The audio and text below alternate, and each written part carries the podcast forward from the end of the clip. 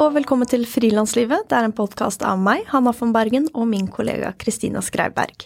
I denne podkasten snakker vi med frilansere, eksperter og hverandre om hvordan det er å jobbe som frilanser i den kreative sektoren.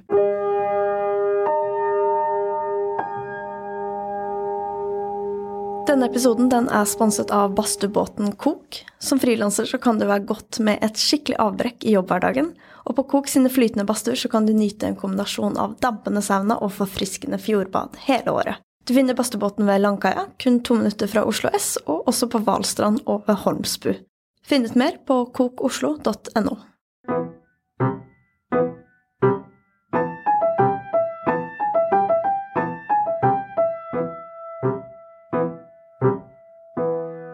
I dag så sitter jeg her med min podkastmakker Kristina, og vi skal snakke om kunsten å si ja, men også kunsten å si nei.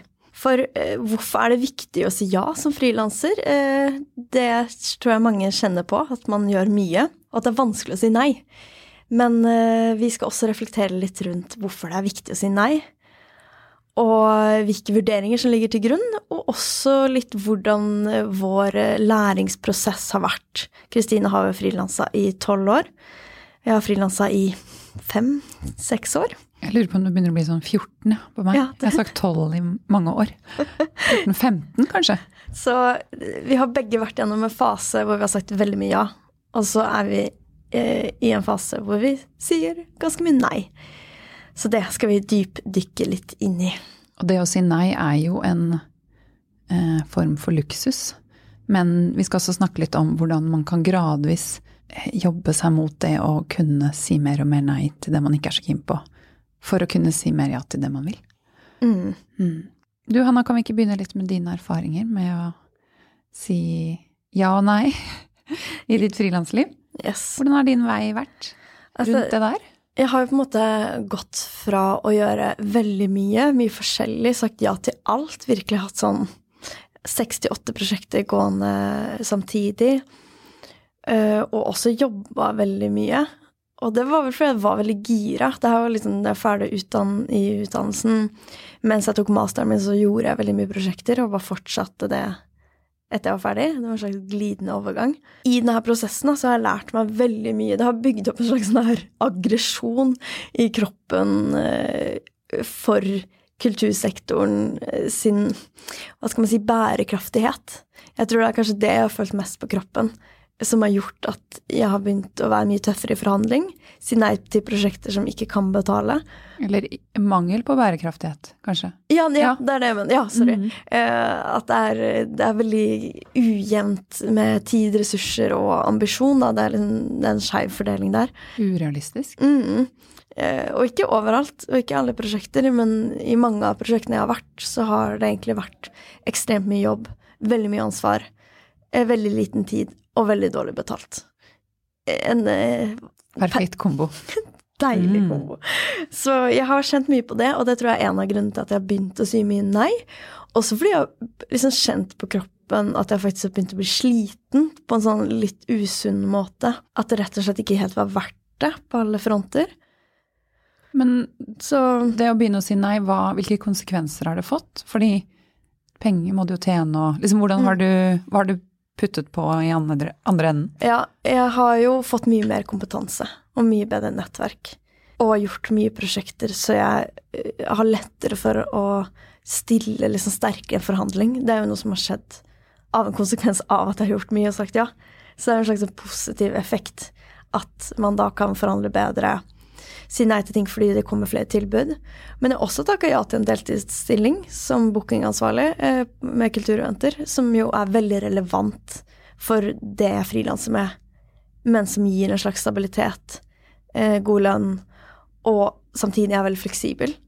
Så det for meg har det vært noe jeg har gjort eh, for å kunne kjenne på det å lande litt i en slags hverdag. Og er nå i en fase hvor jeg heller gjøre færre ting og prøve å gjøre det bedre. Og faktisk sagt nei til veldig mye som jeg syns er skikkelig, skikkelig vanskelig. Mm. Og det tenker jeg vi skal komme litt tilbake til, det at det kan være en løsning å heller ha en deltidsjobb, relevant eller ei, men som gjør at man kanskje tjener, ja, tjener til sine faste utgifter, men får den der eh, friheten og spillerommet til å si velge mer, da. Eh, og ikke bare liksom kave etter oppdrag å ikke få, få en følelse av kontroll og styring, på en måte, på, i mm. egen tilværelse. Ja, så det har vært litt sånn eh, litt veien. Mye spennende i der. Kristina. Um, ok, min tur. Det er din tur. Hvordan har, det, hvordan har det sett ut for deg i disse 14 årene? Ja, altså de første årene så uh, var jeg i sånn 150% ja-innstilt. Jeg tenkte jeg skal si ja til alt. Og, så jeg tenker jo det Det er jo en luksus å si nei, og i starten så kan man ikke regne med at man har den luksusen. Da er kanskje det å si ja det aller viktigste. For da erfarte jeg at eh, liksom, uansett hva det er, så leder et oppdrag til et nytt oppdrag. For da, hvis jeg sa ja til noe, så var jeg jeg var ute, gjorde noe, hverdagen var fylt av liksom, energi og bevegelse, og enten fikk jeg en idé da jeg var på en jobb, eller så fikk jeg en kontakt som ledde til en ny jobb, eller så, ja Det liksom eh, jobber avlet Avler gjerne jobber, da. Mm, det er sånn jeg føler at man får arbeid i, i som frilanser veldig mye. Kanskje ikke alle bransjer, men i hvert fall eh, sånn som vi to jobber, så har jeg Alle mine prosjekter er basert på andre prosjekter. Jeg har kanskje jeg har søkt én eh, festival, har jeg søkt om, på ordinær måte. Men eh, ellers så er det fordi folk har hørt om noe man har gjort, eller sett det i en eller annen kontekst, eller ja, vært på et event man har holdt på med. Samme her, med unntak av når jeg selv eh, pitcher inn egne ideer. Men det er jo også noe som skjer fordi jeg har fått den ideen, som gjerne skjer når jeg er ute i bevegelse, eh, ikke sitter hjemme i ro. Så den det er jo en tid for alt, og i starten, eh, eller i trenger ikke bare være starten, men i perioder av eh, sin eh, selvstendige tilværelse, så er det jo kanskje aller viktigste å si ja. Ja, så jeg sa veldig, veldig mye ja, og det var, det var helt topp. Hvor lang, hvor lang, var denne perioden? Jeg, tenker, jeg tror jeg holdt på med det her i kanskje fem år, og virkelig sånn gjort masse og alt mulig, og vært, vært et ja-menneske, da. Ja, jeg vil si at den varte kanskje to-tre år, sånn iherdig ja, og at jobben var viktigst, og jeg tror jeg var singel og ja. Det, du tror du var singel? Jeg tror jeg var singel, jeg husker ikke helt. Så var det en veldig neglisjert kjæreste. ja, kanskje jeg hadde noen kjærester som kom og gikk, jeg husker ikke. Men jeg husker at jobben var det viktigste. Eh, eller min ferd, da. Jeg husker jeg skulle på en date en gang, og så satt jeg vi skulle møtes litt sent, og så satt jeg og jobbet med hjemmesiden min, og så tenkte jeg sånn å nei, jeg vil jo egentlig bare fortsette, fordi jeg vil bygge mitt eh, imperium. Eh, fordi jeg syns det var så Det var i disse første årene. Syns det var liksom gøy å prøve å nå målene mine, da.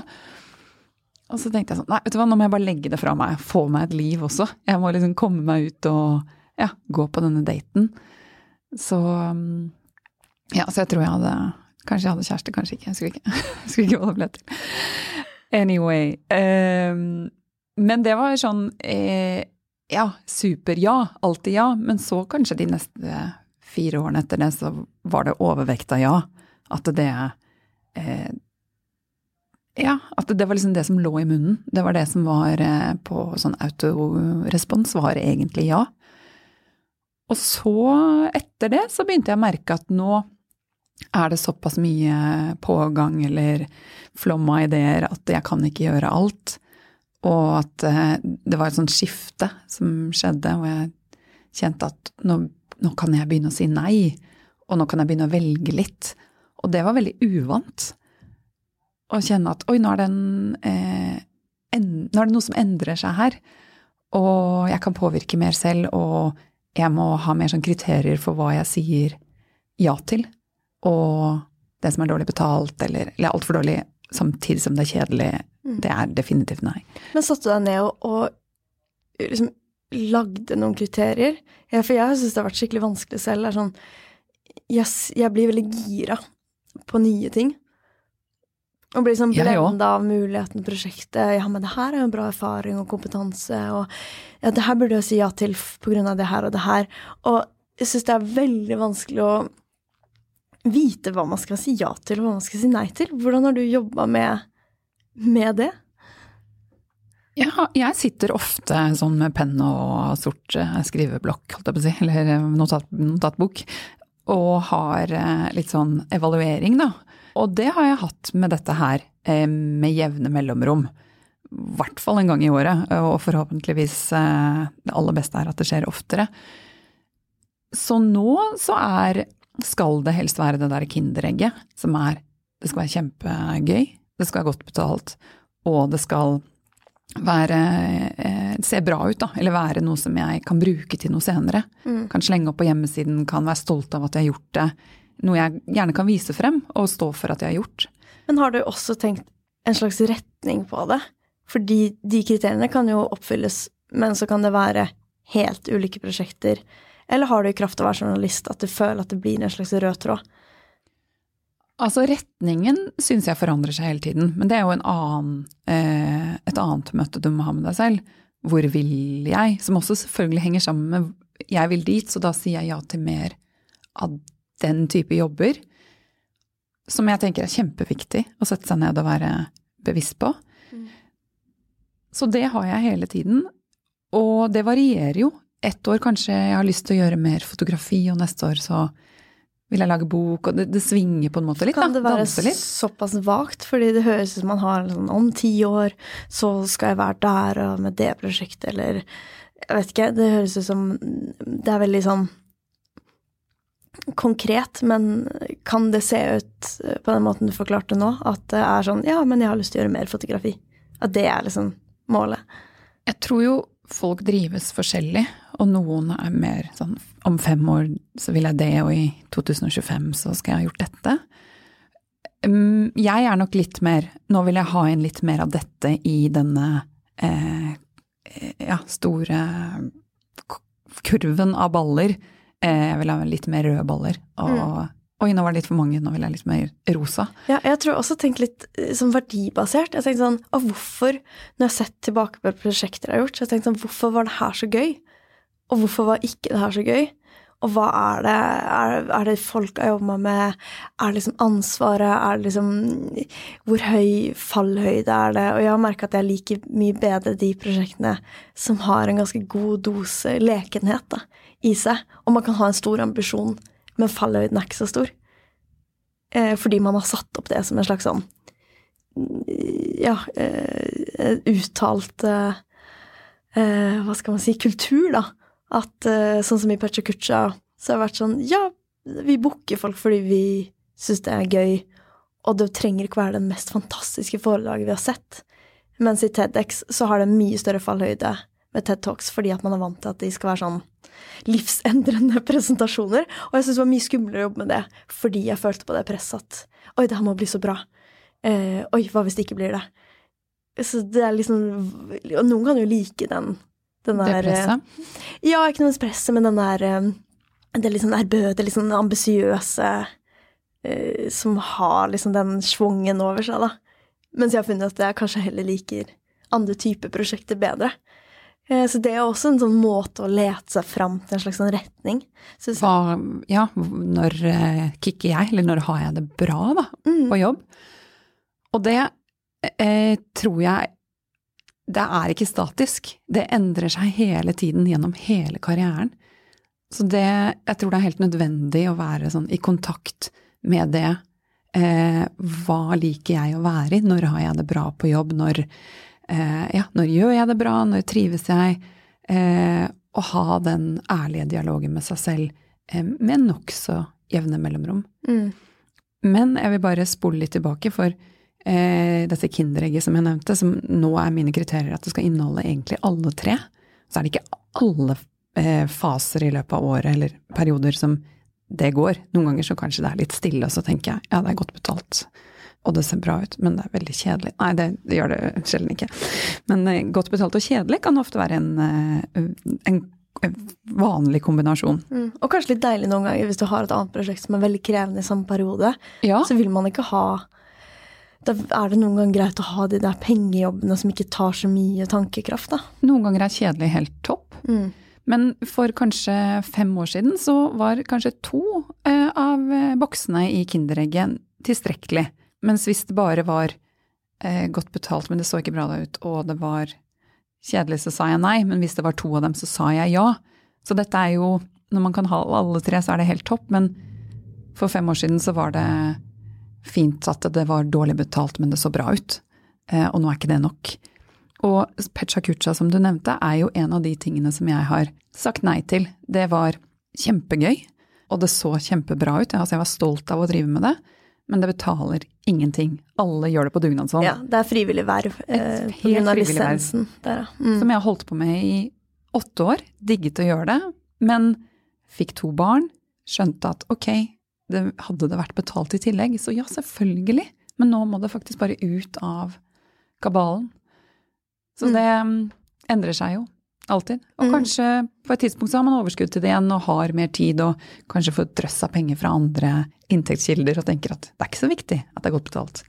Ja, jeg også hadde en periode um, for uh, to år siden hvor jeg plutselig innså Jeg vet ikke hvorfor jeg ikke innså det her gående på vei inn i denne perioden. Men da satte jeg meg ned og så så jeg på de prosjektene jeg holdt på med. Og så innså jeg at sånn fire av fem er frivillig. Og det var ulike grunner. Noe ble det, noe skulle være mer sånn hvis vi fikk en spons, så kunne man ta ut lønn. Noe var et eget prosjekt som ikke hadde fått inn penger ennå, så det var ikke ren, rene frivillige verv. Men da bare så jeg at det her er jo bare helt på trynet. Altså sånn, jeg kan ikke leve av den der en femtedel betalte jobben eller prosjektet, og så bare sitte og jobbe dag og natt og helg, og så er det ikke noe penger. Og da ble jeg bare sånn Nå må jeg Det, ing, det her kommer ikke til å forandre seg hvis ikke jeg forandrer det. Fordi de er kjempehappy, og jeg får masse læring, det er spennende prosjekt. Jeg får mer av de type prosjektene fordi jeg gjør de type prosjektene. Så det å begynne å endre retning å finne de som betaler, og liksom sette opp litt de der kriteriene for seg selv. Det, jeg tror det er fort gjort å tenke at uh, ja, men sånn her er det bare. Eller sånn er det i den sektoren, eller sånn er de prosjektene jeg vil jobbe med. Uh, men jeg innså at uh, det fins morsomme prosjekter som også har penger, og det går an å lage bærekraftige egne prosjekter. men det kommer ikke til å forandre seg hvis ikke jeg starter liksom, med å, å gjøre den forandringen liksom, aktivt. da. Ja, for å holde på mm. sånn er helt utopisk. Det går ikke i lengden. Og jeg tror du har helt rett i at veldig mange eh, finner unnskyldninger for hvorfor det er sånn, og hvorfor man bare skal fortsette å ha det sånn. Så ja, veldig bra, Hanne, at du fikk den eh, åpenbaringen. Tusen takk. Jeg dobla jo inntekten min på et år. Altså, jeg, jeg liksom fikk dobbel årsinntekt året etterpå. Og, ikke sant? og jo, der ser du at det er jo mulig å endre det.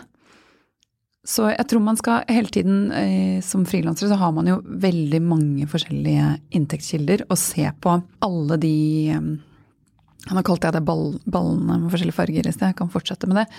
Om den kombinasjonen er bra, eller om det er altfor mye av de brune vervene som ikke betaler noen ting. Eller om det er masse sånne gullballer oppi der. Ja. ja. Jeg satte meg ned og faktisk lagde en liste som var sånn Ok, jeg jobber med de her um, ti prosjektene i løpet av det siste halvåret. Eh, og så så jeg sånn hvor For jeg har vært en Jeg er jo en strukturnerd, da, så det må jo legges til grunn. Det At jeg har da telt alle timene. Så jeg har sett sånn Ok, hva fikk jeg faktisk utbetalt i penger? Hva følte jeg at det ga meg av læring og, mm, og på en måte andre fordeler, da? Og hvor mye timer har jeg brukt? Og hvor mye timer blir det her til sammen? Dette er jo helt fantastisk. Og hvilke av prosjektene vil jeg fortsette med? Hva vil jeg si nei til? Og hva er det liksom Hvor er det den der gylne balansen ligger, da? Og det må man, man må bare teste det ut. Eh, og så noen ganger har man sittet bare sånn Shit, nå har jeg sagt ja til altfor mye. Og så må man gjennomføre det fordi man har sagt ja. Og da må man ha en periode etterpå hvor det er mindre. Og jeg er i en sånn fase nå hvor jeg tester ut det å ha hverdag. Fordi før så har mitt liv bare fløtet inn i hverandre. Frilanslivet, privatlivet, helger, hverdager, kveld. Alt har bare vært en sånn krusedull hvor jeg Det har ikke hatt noe å si om det har vært litt en dagtid eller kveldstid eller helg for min del med jobb. Hvordan er det å ha hverdag? Altså, det er Det tar tid å venne seg til det. Fordi Men det, jeg kjenner at jeg er litt rastløs. Eh, etter liksom å komme på med ideer og spennende prosjekter. Og det er veldig sunt for meg å kjenne at jeg har den der ivrigheten i meg fortsatt. At ikke den har forsvunnet fordi jeg jobba så mye og så ble jeg sliten, men at den faktisk er der og liksom klør litt, da. Og det har vært helt fantastisk. for Jeg har jo fått meg kjæreste i det her siste halvåret. Uh, og det hadde ikke gått å ha kjæreste og holdt på på den måten jeg hadde gjort. Eller har vært et ganske kjipt forhold, i hvert fall. Og det Jeg tror jeg innså det når jeg begynte å date han, at han er bare så ekstremt tilstedeværende. Og da ble jeg sånn Jeg vil også være et menneske som kan være tilstedeværende. Og det har jeg kjent på med vennskap, jeg har kjent på det når jeg tar for meg fri, går fra jobb. Eh, jeg kan liksom drømme om jobb. Altså, det kan være litt sånn intenst i perioder. Og det å faktisk ha sånn Ok, min retning nå er faktisk å prøve å være tilstedeværende. Kunne trene, lage mat, ha med matpakke, bare sånn helt sånn hverdagslige ting. Og bare gi det liksom et halvt år, et år, og teste ut hvordan det faktisk oppleves å ha Det? En hverdag, ja. Eh, og se om jeg liker det, eller om jeg liker mer å jobbe som boblete, som jeg har gjort, da.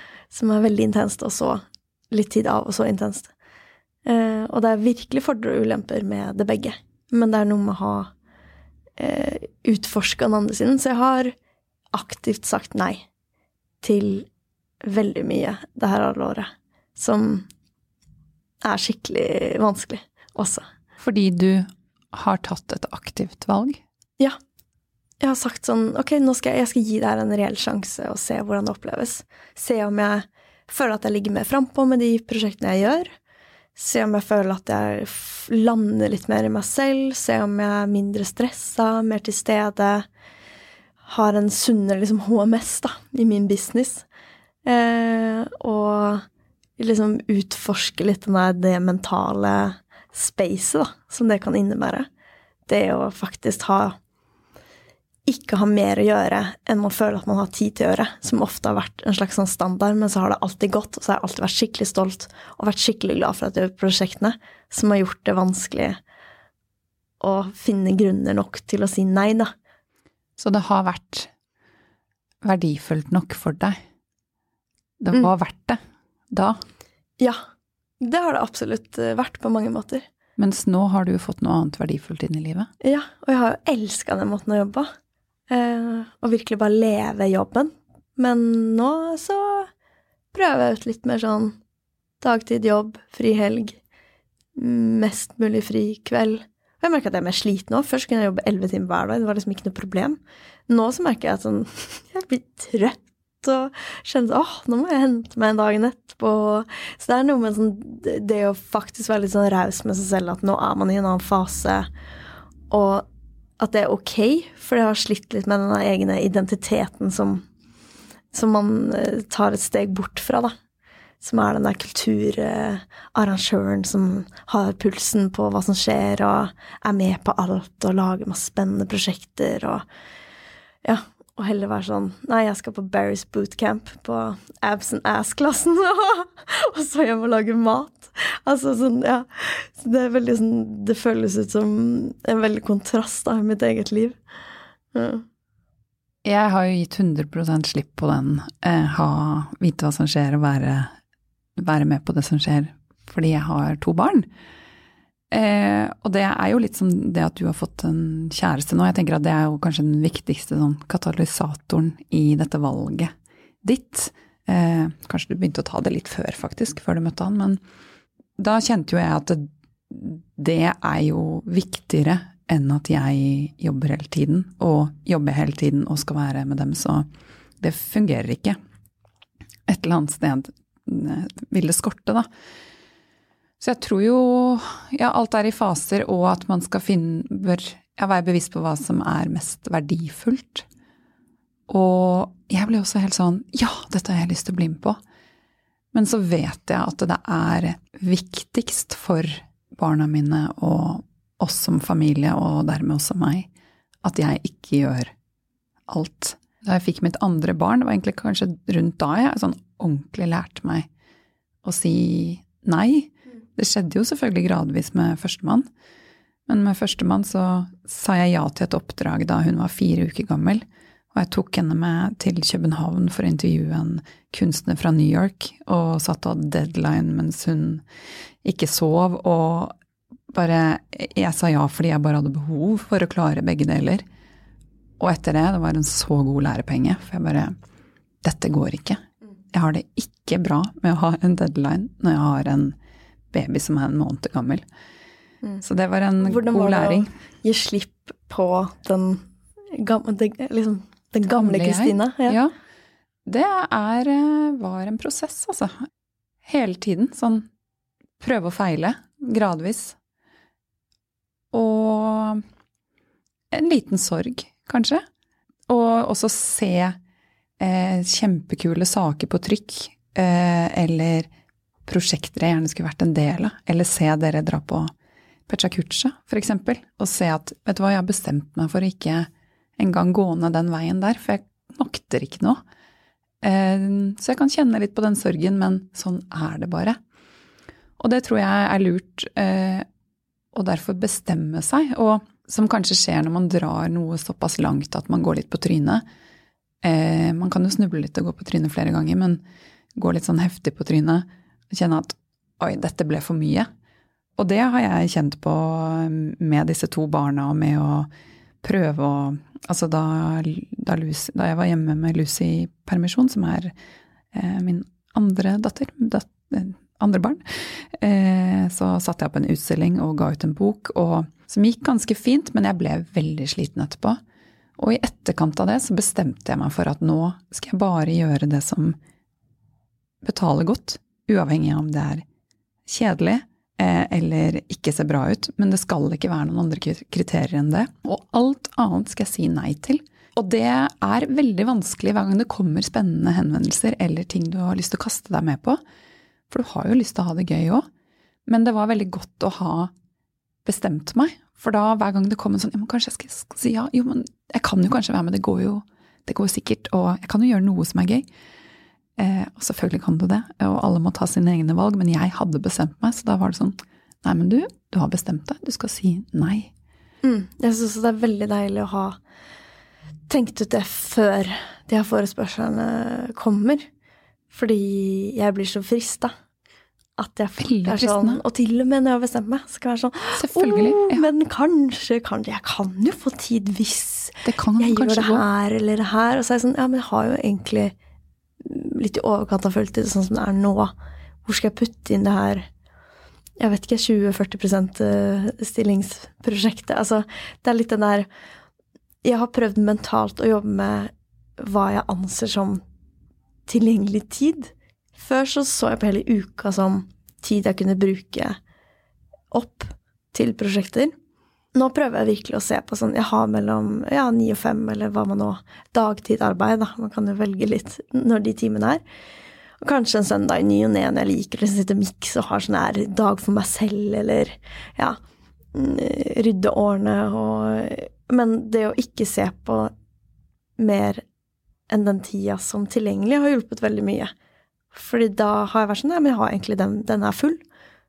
Så Og når den er full, så er den ofte egentlig litt mer enn full, fordi det meste tar litt lengre tid. Det er alltid litt sånn admin og mailer som skal følges opp etter et prosjekt også, eller Mm. etter en leveranse, eller ja, absolutt. Men eh, du møtte, eller vi har jo møttes for lenge siden, men denne kaffen jeg tok med deg hvor du foreslo å lage podkast sammen, da var jeg egentlig i den nei-fasen. Wow, jeg føler meg beæret. Ja, men så hadde jeg begynt å åpne opp litt, sånn bitte litt, og se at nå kan jeg liksom, jeg kan liksom vie Spre beina litt, holdt jeg på å si. Hva heter det? Er det en metafor man kan åpne opp litt. Jeg finner ikke alltid ord. Og da sa jeg jo ja til deg. Eh, Og det er jeg jo. Og jeg tenkte sånn, men vi må ta det veldig rolig.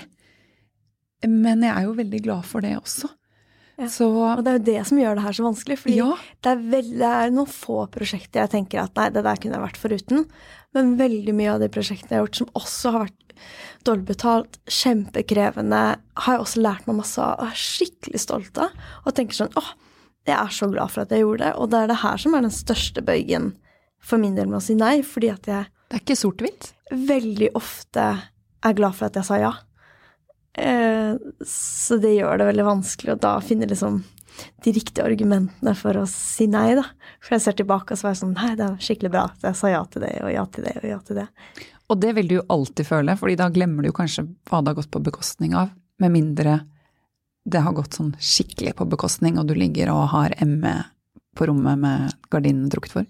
Ikke sant. Og det har heldigvis ikke gått på veggen eh, skikkelig. Det har vært mer sånn at jeg har liksom strøket litt på den veggen av og til.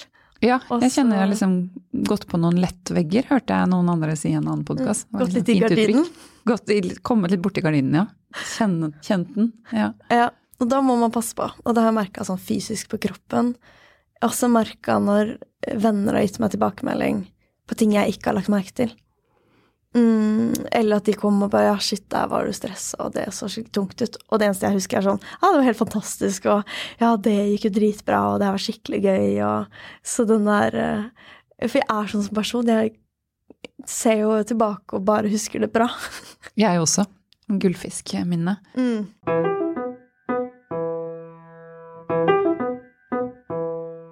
Noen ganger lurer jeg på hvorfor det er så vanskelig å si nei, og jeg tenker man vil jo kanskje være en som ja, hjelper og være litt, litt sånn pleaser, da, for eh, andre, og så er det jo hyggelig å bli spurt. Men noen ganger når jeg tenker sånn, hvis jeg får en forespørsel som jeg kjenner at denne vil jeg jo egentlig ikke ta, og jeg har lovet meg selv å si nei denne måneden, fordi jeg har sett på kalenderen og det er nok, så får jeg jo likevel sånn ja, men kanskje, kanskje jeg bare skal si ja. Det kommer jo kanskje til å gå. Men da prøver jeg å fortelle meg selv at vet du hva, lat som den mailen aldri kom. Og at det, selv om det kom til meg, så er det ikke noe jeg egentlig må ta stilling til. Er det bare å si vennlig nei? Det er ikke mitt problem, på en måte. Ja. ja, det er en god måte å se på det, fordi jeg kan til og med være sånn Ja, der er de 25 000 som ikke kom inn fordi jeg sa nei. Den Å, her ja, måneden. Og det er jo det er bare sånn pining, eller sånn selvtortur, å tenke på den måten. For jeg har jo ikke gjort jobben. Jeg har jo gjort noe annet isteden som også har betalt, eller vært utviklende, eller bare hatt fritid. Men det er klart det svir hvis du trenger 25 000. Ja, øh, det gjør det jo, men det Det går jo utover det andre man gjør, og det går utover øh, fritiden din, da, som jeg nok ikke har vært så Jeg har ikke verna noe om fritiden min før, fordi jeg ikke har hatt lyst, egentlig. Mens nå kjenner jeg det der at jeg begynner å like å trene, og det har aldri skjedd i hele livet mitt før. Eh, og det jeg tenker er sånn Om ikke Altså, det er en langsiktig investering. Mye mer enn å ta den jobben. Er det å få et sunt forhold til å bevege kroppen, og ha en kropp som forhåpentligvis varer lenge, da, og er i godt mot, og ha en, et hode som fungerer bra. Ja, Mm. og faktisk se på de tingene som en mye viktigere investering enn de kortsiktige prosjektene da, som er det her halvåret eller det her året. Så jeg har liksom drevet med sånn her psykologitime med meg selv, hvor jeg er sånn her Ja, på ene siden, men på andre siden. Og virkelig prøvd å tenke nytt, da. Uh, Så jeg tror det har hjulpet meg veldig med å liksom finne motivasjon til å føle at det er riktig å si nei, da, til visse ting. Men nå vil jeg bare eh, tenke litt på de lytterne som eh, kanskje ikke er et sted hvor de i det hele tatt kan si nei. Mm. Eller føler at de kan si nei, fordi man kanskje eh, sitter og lurer på hvor er det neste oppdraget. Eh, og når vil jeg noensinne bli spurt? Eh, når er det når, når skal det gå fra bare være meg som eh, jager oppdrag, til at jeg også noen ganger kan få muligheten til å si ja eller nei? Og da tenker jeg det er så lurt å tenke litt langsiktig, ja. For det kan være sånn nå, og det må man kanskje bare stå i, som vi gjorde i en del år. Men å ha langsiktige mål, og så, hvis målet er eh, Jeg vet ikke Å jobbe med ja, noe du brenner ordentlig for og tjene penger på det, mens du masse, får masse kjipe jobber som betaler eh, dritt, så er det lurt å prøve liksom den At brøken forandrer seg sånn litt over tid. Og gi det tid. Gradvis. Og at du Mm. da åpner opp litt og litt og litt for å jobbe med mer av det du vil. Eh, sånn at man ikke bare står og stamper i det som eh, man ikke egentlig vil være i, da. Ja, og jeg har faktisk alltid hatt en deltidsjobb. Jeg var på kafé siden jeg var 16 år til eh, Hva blir det? eh, 26, altså sånn i sommerer og ved siden av utdannelsen. Og når jeg var ferdig på masteren, så eh, sa jeg opp eh, den deltidsjobben, men har vært deltid som vertskap med eventer, så jeg følte at det var relevant for det å jobbe med kultureventer. Men det var sånn jeg kunne ta ulike skift litt som det passa meg, da. Så det var veldig fleksibel, og det å klare å finne en sånn type deltidsjobb som er, eh, er fleksibel, men gir deg en trygghet, da, for jeg har aldri vært så risikovillig at jeg har liksom bare ikke hatt noe En liten sånn, hva heter det, fot å lene seg tilbake på. Eh, og det kan jo være dårlig for noen, bra for andre, men for min del har det vært skikkelig deilig å ha sånn. Eh, og noen ganger har det vært eh, større stilling, og noen ganger mindre. Mm. Og det tenker jeg er veldig lurt for mange. Og der tror jeg det er lurt å sånn, kjenne seg selv litt. Hva gjør at du ligger våken om natta? Er det fordi du lurer på hvordan du skal få betalt regningene, eller gjør det at du blir enda mer gira? Eh, og bare 'jeg skal klare det'. For, for, for, min del så har det vært viktig Eller jeg har aldri hatt en deltidsjobb. For jeg har bare hatt behov for det der å bare kaste meg helt ut og i sånn fritt fall. Og ligget mange netter våken om natten og tenkt 'hvordan skal dette ende møtes'? Men da har, det, har jeg kommet opp med sånne masse ideer om sånn 'ja, men kanskje' jeg gjør det, og da får jeg en 5000 der, og så får jeg en 2000 der. Og så, jeg vet ikke hvor mange netter jeg lå sånn helt i starten, jeg, og regnet på uh, hvordan jeg skulle få betalt uh, husleia. Men har du gjort noen uh, oppdrag som du tenkte at det kunne jeg ha vært foruten? Der kunne jeg ha sagt nei. Aldri. Nei. jo, altså, jeg syns det beste eksempelet er For jeg jobber jo med kultureventer, og um, Men ikke liksom alt mulig. Men jeg tror en, en gang så bare endte jeg opp litt sånn tilfeldig eh, med å plutselig lage en pop-up halloween-butikk for en eiendomsmegler på Aker Brygge. Og det kanskje det, er kanskje det prosjektet som er liksom lengst unna eh, både det jeg vil drive med, og eh, det jeg på en måte hadde gjort, og det, dit jeg ville, da. Så Hvorfor det, var det så ille? Hadde du på sånn halloween-kostyme? Nei, nei, det var bare at det, det eh, kryssa ikke av på noe av mine kriterier. Det var ikke spesielt godt betalt. Det var ganske krevende, og det på en måte var ikke i tråd med verdiene mine i forhold til at jeg syns ikke nødvendigvis det her prosjektet ga noen verdi til liksom, samfunnet. Det var mye sånn kast og bruk. Ja, det er gøy med halloween, men Og liksom, det var en annen kultur, og i det området Jeg vet ikke, det var mye som Jeg tenkte jo bare sånn Ja, men det er gøy og spennende, og det er ny læring. Som du alltid tenker? Ja, som jeg alltid tenker. Men i etterkant så ser jeg jo at det var nok litt sånn avstikker som jeg kunne fint vært foruten. Selv om jeg lærte ting av det også. Uh, og eh, Men da, da handla det rett og slett om at jeg var i en periode hvor jeg hadde veldig dårlig med penger. Og da hadde jeg ikke den luksusen og skulle liksom bare plukke og velge, men Og da men, løste du jo et problem for deg. Ja. Så, så sånn sett så var jo det eh, verdifullt da. Mm. Hva med deg, Kristine? Har, har, du et eksempel? Nei. Ingen. Nei, right. Jeg har alltid vært på riktig kurs mm. med å hatt verdiene ja. mine klart foran meg. Irriterende person. Ja. Nei, jeg har gjort uh, flere ting som ikke har vært i tråd med verdiene mine. Men som helt klart løste problemer der og da, som å betale regninger. Jeg har um, Jeg ville aldri sagt ja i dag, men jeg har, eh, jeg tror jeg var 25, stått på sånn elektromesse på Lillestrøm eh, som sånn pinup-dame kledd i sykepleier-outfit. Altså, med sånn Hvit hotpants, hvite støvletter som går til knærne. Den profesjonelle journalisten som ja. tropper opp på jobb. Med en liten sånn eh, kortermet eh, bluse med stor utknepning og en sånn eh, ja, liten cap, eller hva det var, med rødt kryss på. For du skulle foran. rett og slett være en sexy dame? Som delte ut eh, elektronikk, eh, altså pastillesker, som det sto elekt Retrogutta, eller hva den heter. Oh. Wow, det er ikke ok. Det er ikke ok. Sammen med en annen venninne, som også er høy og blond. Så um, ja. Vi har også vært eh, togkonduktører og kjørt eh, menn rundt i tog rundt på Lillestrøm. Sånn lite Det toget du ser på Aker Brygge. Altså, men de her folka som ansetter det her, de burde gå og skamme seg. Rent sånn feministisk eh, så er jo det her eh, Dette ganske på eh, trynet måte å prøve å selge et produkt. kanskje 14 år siden. Ja. Så helt i starten for min del. Ikke sant? Hvor jeg tror ikke jeg var så bevisst i forhold til metoo og alt det der. Jeg går ikke og tenker på det i dag at å, dette, det var ille. Fordi vi hadde det jo bare gøy. Men jeg ville jo aldri gjort det i dag. Nei, men det, man skal ha, man skal ha sånne. Ja. Man skal ha sånne prosjekter òg, syns jeg. Ja. Ja. Og jeg tenkte nok ikke så mye på verdisyn og rett og galt. Altså sånn, jeg hadde ikke den refleksen da. Nei.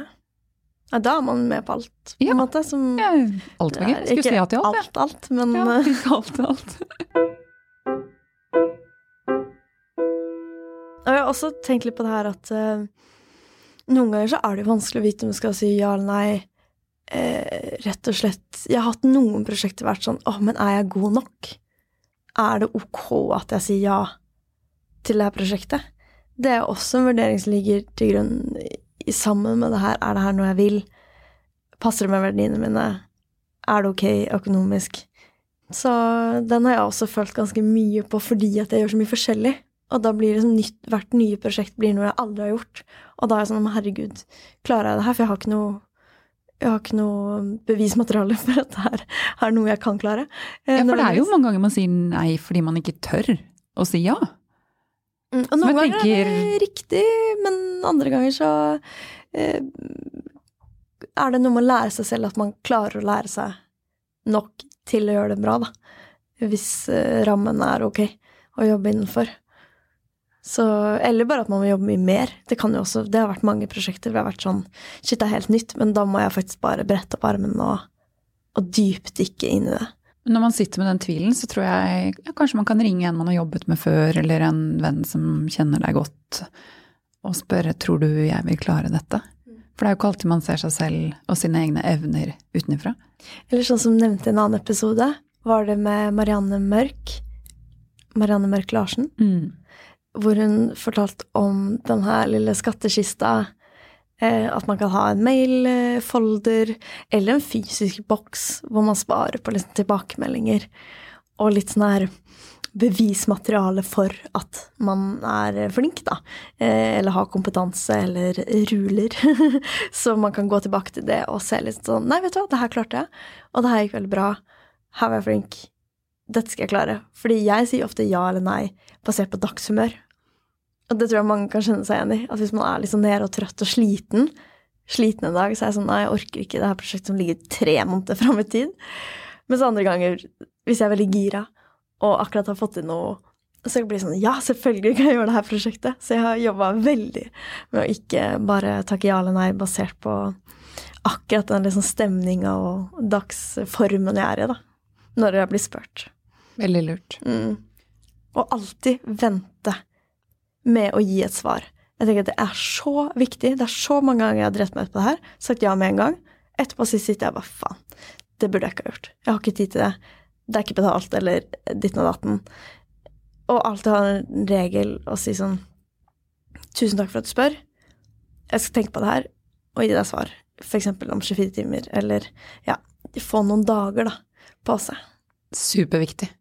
Det er så lett å bli tatt litt som på senga, og hvis man er, har eh, Det er ja som ligger lettest i munnen, og bare si ja på telefonen, spesielt hvis jeg blir ringt. Det er jo da man ikke får sjansen til å tenke litt. Så det der har jeg også gjort mange ganger. Og satt meg ned og bare Vet du hva, jeg skal ikke gjøre det igjen. Heretter så er det bare å Vet du hva, takk. Mm. Kommer tilbake til det. Ja, det, det er en god læring.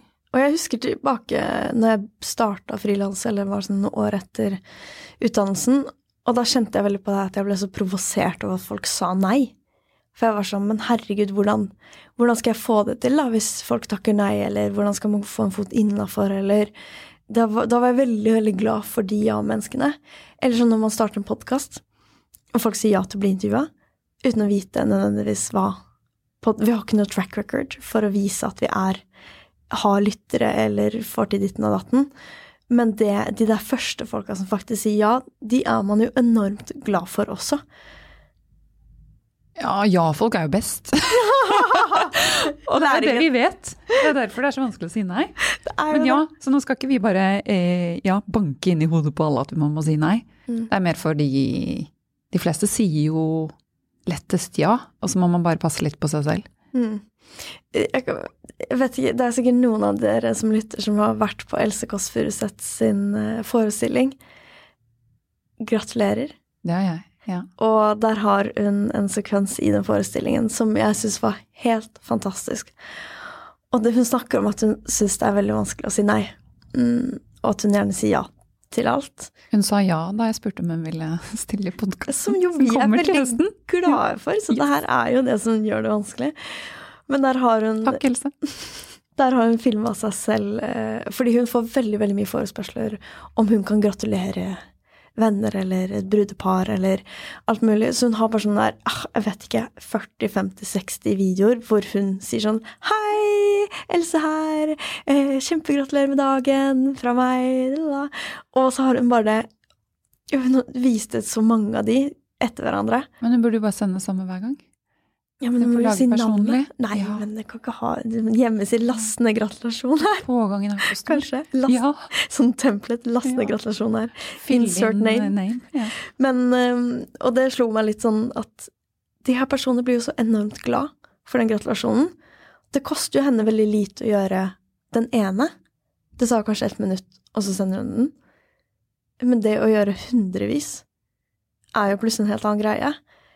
Men for den personen som mottar det, så ser jo ikke de de hundre andre. Og det der er jo ekstremt vanskelig mm, balanse å finne ut sånn Hvor går grensen? Ja, hvor går grensen? Og enten si høflig nei da til alle, for da kan du egentlig ikke gjøre unntak.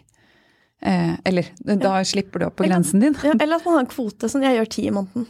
Eller jeg gjør ti i halvåret, eller hva det nå skal være. da og si sånn Nei, dessverre, nå er de ti gjort.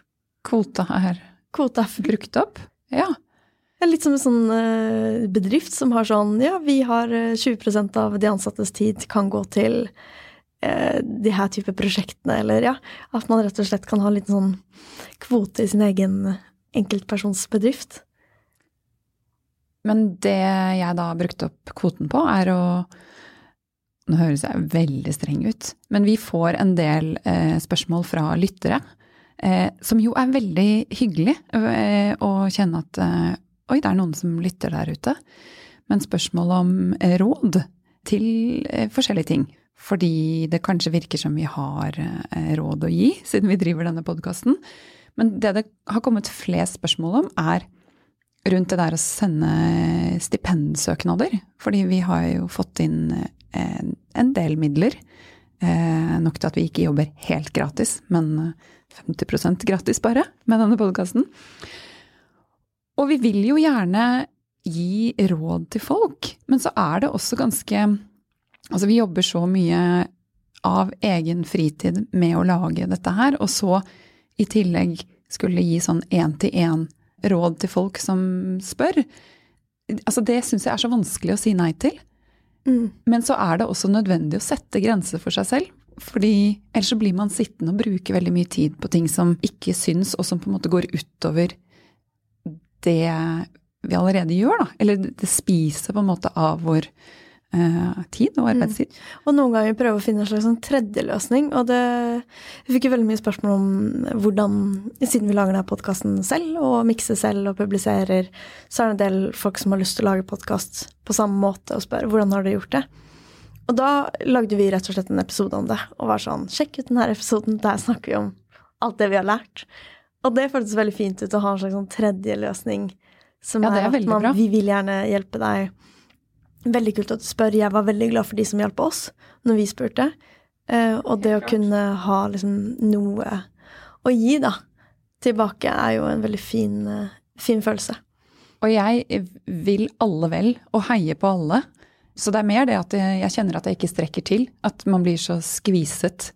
Og hvis man da ja, har blitt litt dyktigere på å si nei, så kjenner man Eller man vet hva som skjer hvis man bare sier ja, da, og lar seg bli dratt i. Mm. Men eh, Så derfor kommer det også en episode utover høsten, håper vi, om det å skrive stipendsøknad. Og så vil jeg si, eh, fordi mange har spurt om det, eh, mange har spurt om råd om hvordan vi har skrevet vår eller fått midler til å lage denne podkasten, fordi de også skal lage podkast. Så det jeg bare vil si til dere som har lurt på det, er at, og som jeg har svart, selvfølgelig, er at vi har ikke fått midler til å lage podkast, vi har fått midler til å lage dette innholdet, og så er det, ikke tilfeldigvis, men det kunne nok ha blitt presentert i en foredragsserie eller en bok, eh, eller på, på, andre måter. Så podkast er bare eh, altså formidlingsformatet vi har valgt. Så innholdet i de forskjellige podkastene som folk rundt omkring har lyst til å lage, vil jo være forskjellig. Så derfor er kan ikke vi nødvendigvis gi så mange råd til hvordan dere får støtte til akkurat deres podkast selv om man vil bruke, formidle det på samme måte, da.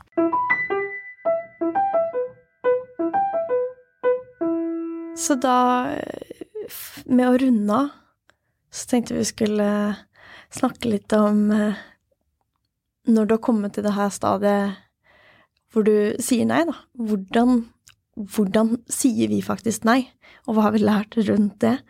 Og har vi noen tips og triks man kan ta med seg videre der? Jeg tror man kan føle seg veldig streng og brå bare fordi man har tenkt å si nei. Så hvis man bare er hyggelig, så tror jeg det er veldig Folk tåler jo et nei. Så tror jeg, tror jeg det bare er veldig fint. Men også gi en grunn tror jeg også gjør det lettere for folk å ta det imot. På vei hit i dag så hørte jeg på Tim Ferris, som har en podkastepisode hvor han eh, går gjennom avslag han har fått. Han har spurt folk om å stille opp i en bok, og så har de sagt nei. Og så syns han de sa nei på en så fin måte at han spurte om å få lese det opp og bruke også avslagene i boken. Og da skrev de alt fra sånn Tusen, tusen takk for at du spør, jeg har vurdert, vurdert, dette nøye, jeg har i utgangspunktet veldig lyst til å være med, men jeg har kommet eh, dit at jeg vil bruke mer tid, eller ha mer tid, så jeg har bestemt meg for å si nei. Der kommer jo det igjen å ha bestemt seg for noe. Eh, så derfor sier jeg nei. Eh, og flere var noe sånn à la det, men alle ga en grunn. Mm. Og tok han på alvor, da. Så jeg tenker at så lenge man ikke er helt avfeiende og er ja, hyggelig, så går det bra. Jeg håper jeg har vært ok hyggelig til de som har tatt kontakt angående podkasten. Ja. Nå fikk jeg litt dårlig samvittighet. Jeg syns det er veldig hyggelig at folk tar kontakt. Det er veldig, veldig hyggelig. Og jeg vil gjerne hjelpe. På, det. jeg makter bare ikke alltid. Nei, og det er også helt ok.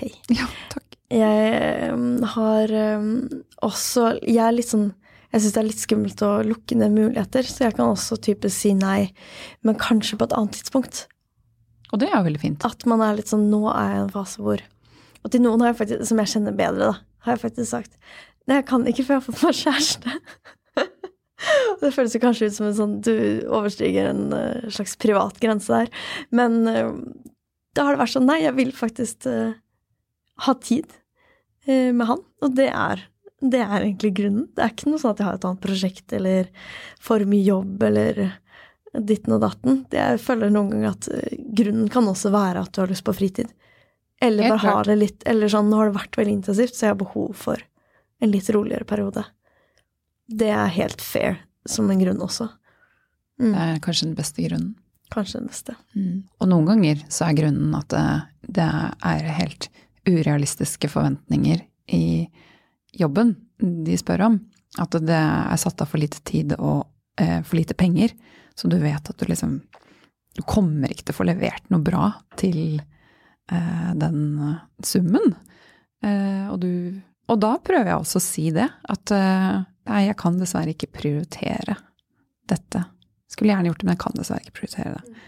Noen ganger på grunn av at det er for lavt honorar. Altså, men i prioritering så tenker jeg at det også er litt undertekst der, da. Ja, og du har jo faktisk skrevet tilbake og, og gitt feedback til, til den som kontakter deg med at det her er for lav lønn eller det her er for dårlig tilbud. Og det er veldig kult å gjøre, fordi da lærer du Du gjør liksom en tjeneste for de andre som de kontakter. Så det syns jeg også er litt lov å si eh, Det her høres kjempespennende ut, men Jeg tenker det er lurt. Ja. Hvis det er grunnen, så tenker jeg at man skal si fra om grunnen. Helt høflig. Mm. Kort og kontant. Ja. Dere, apropos å si nei, så tar vi oss god og lang sommerferie. Fordi fritid er viktig. Og neste episode kommer 15. august. Hurra. Hurra. Gleder oss til det. Ha det. Ha det. Vi vil bare si at eh, vi digger alle dere fine frilansere som eh, jobber der ute, og vi håper at eh, dere har kost dere med podkasten vår. Hvis du har gjort det, er det dritkult. Hvis du har lyst til å dele den med en frilansvenn du har, så hører du mer fra oss. Ha det.